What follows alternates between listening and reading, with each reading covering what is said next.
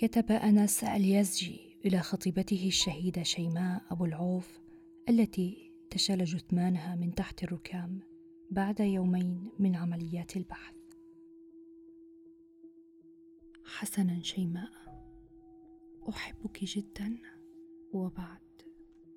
أنا الآن تحت القصف كما دائما من اللحظة التي أغلقنا فيها الهاتف.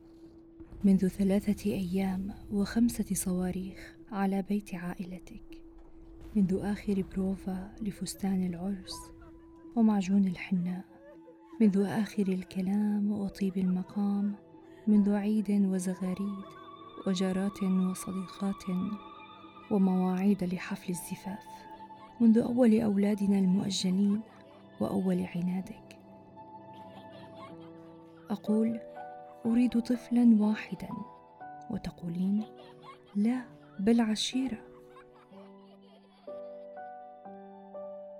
أحبك جدا وبعد. أنا الآن تحت القصف كما دائما.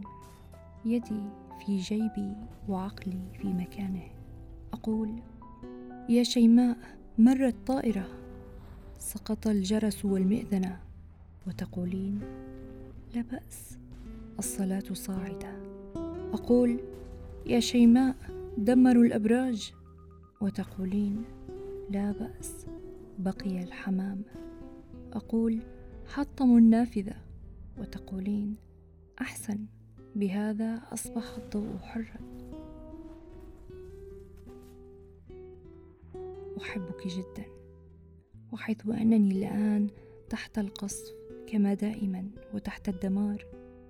سيأتي التجار والفجار وتبدأ المؤتمرات ويفتح المزاد على البلاد وعلى ما تبقى من عباد. سيشكلون لجنة لإعادة الإعمار وإعادة الأبراج والبيوت المهدمة. وبيتنا يا حبيبتي بيتنا الصغير الذي سويناه حجرا على حجر ثم غرقنا في الديون والأقساط. وغرقنا في الشجار على لون الكنب ولون الحيطان وفي أي مكان من حديقة بيتنا سنزرع شتلة العنب. ستعاد لنا الشوارع والمآذن والحدائق والكهرباء وخطوط الماء. أقول وقد توقف القصف من يعيد لشيماء الدماء.